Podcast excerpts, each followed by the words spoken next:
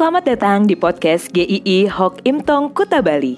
Penginjil Ray Reginaldi akan membagikan renungan harian singkat untuk membawa Anda mengenal dan menyembah Tuhan Yesus, bertumbuh dan menjadi murid Kristus, serta berdampak untuk banyak orang. Jika Anda merasa diberkati melalui renungan ini, silahkan bagikan podcast ini agar orang lain juga diberkati. Inilah renungan hari ini.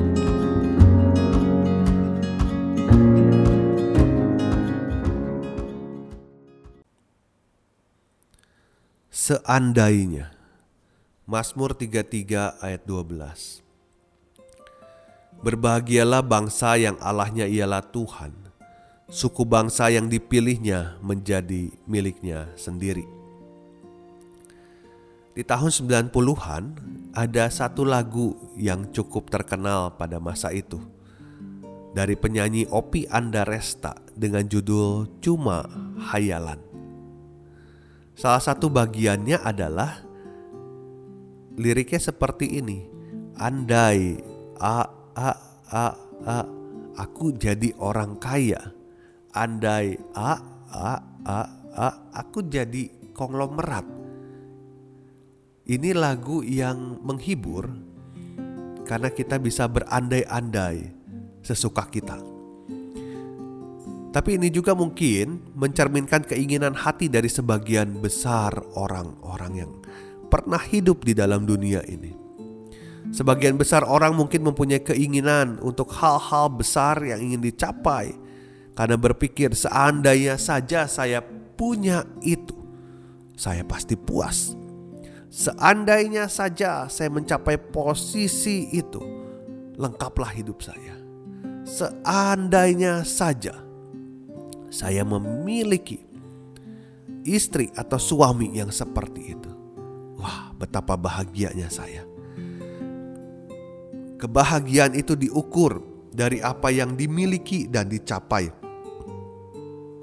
Namun sayang sekali, kebahagiaan yang diukur dari hal-hal seperti itu tidak ada yang langgeng selamanya. Semuanya sebentar atau paling tidak sementara sekali. Mazmur 33 ayat 12 mengatakan, Berbahagialah bangsa yang Allahnya ialah Tuhan, suku bangsa yang dipilihnya menjadi miliknya sendiri. Ada kebahagiaan yang hadir untuk bangsa Israel pada saat itu.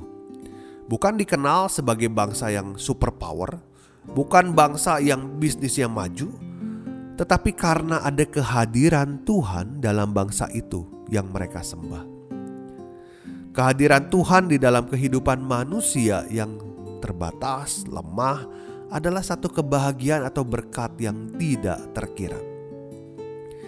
Kebahagiaan itu ditegaskan lagi karena dipilih Tuhan menjadi milik Tuhan sendiri. Bukan karena orang Israel yang mau memilih Tuhan, yang datang mencari Tuhan, tetapi Tuhanlah yang memilih mereka. Dipilih Tuhan itu bukan karena ada kualifikasi tertentu dari orang Israel, tetapi pemilihan Tuhan adalah anugerah karena kemurahan Tuhan saja.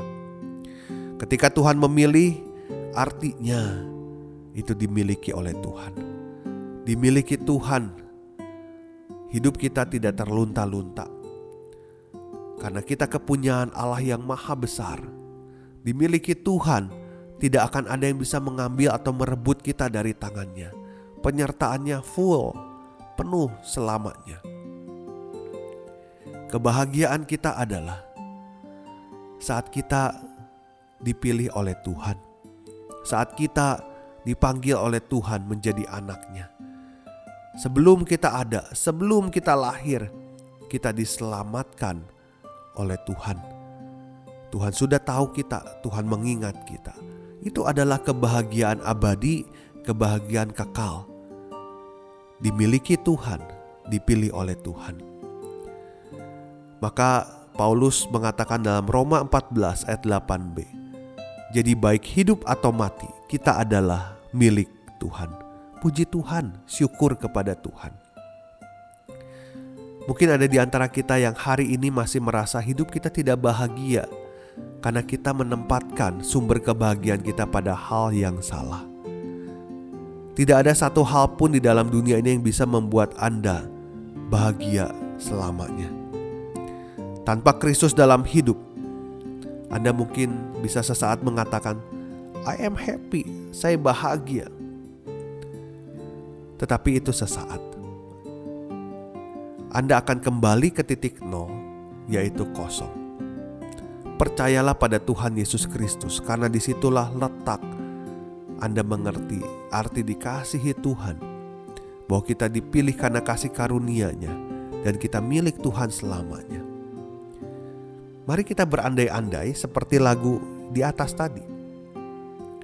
Berandai-andai kalau hidup ini tidak ada Tuhan.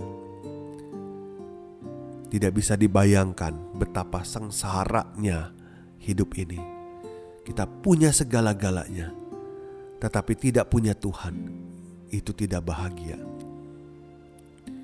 Maka bagian terindah adalah ketika kita hidup ada di dalam Tuhan Yesus.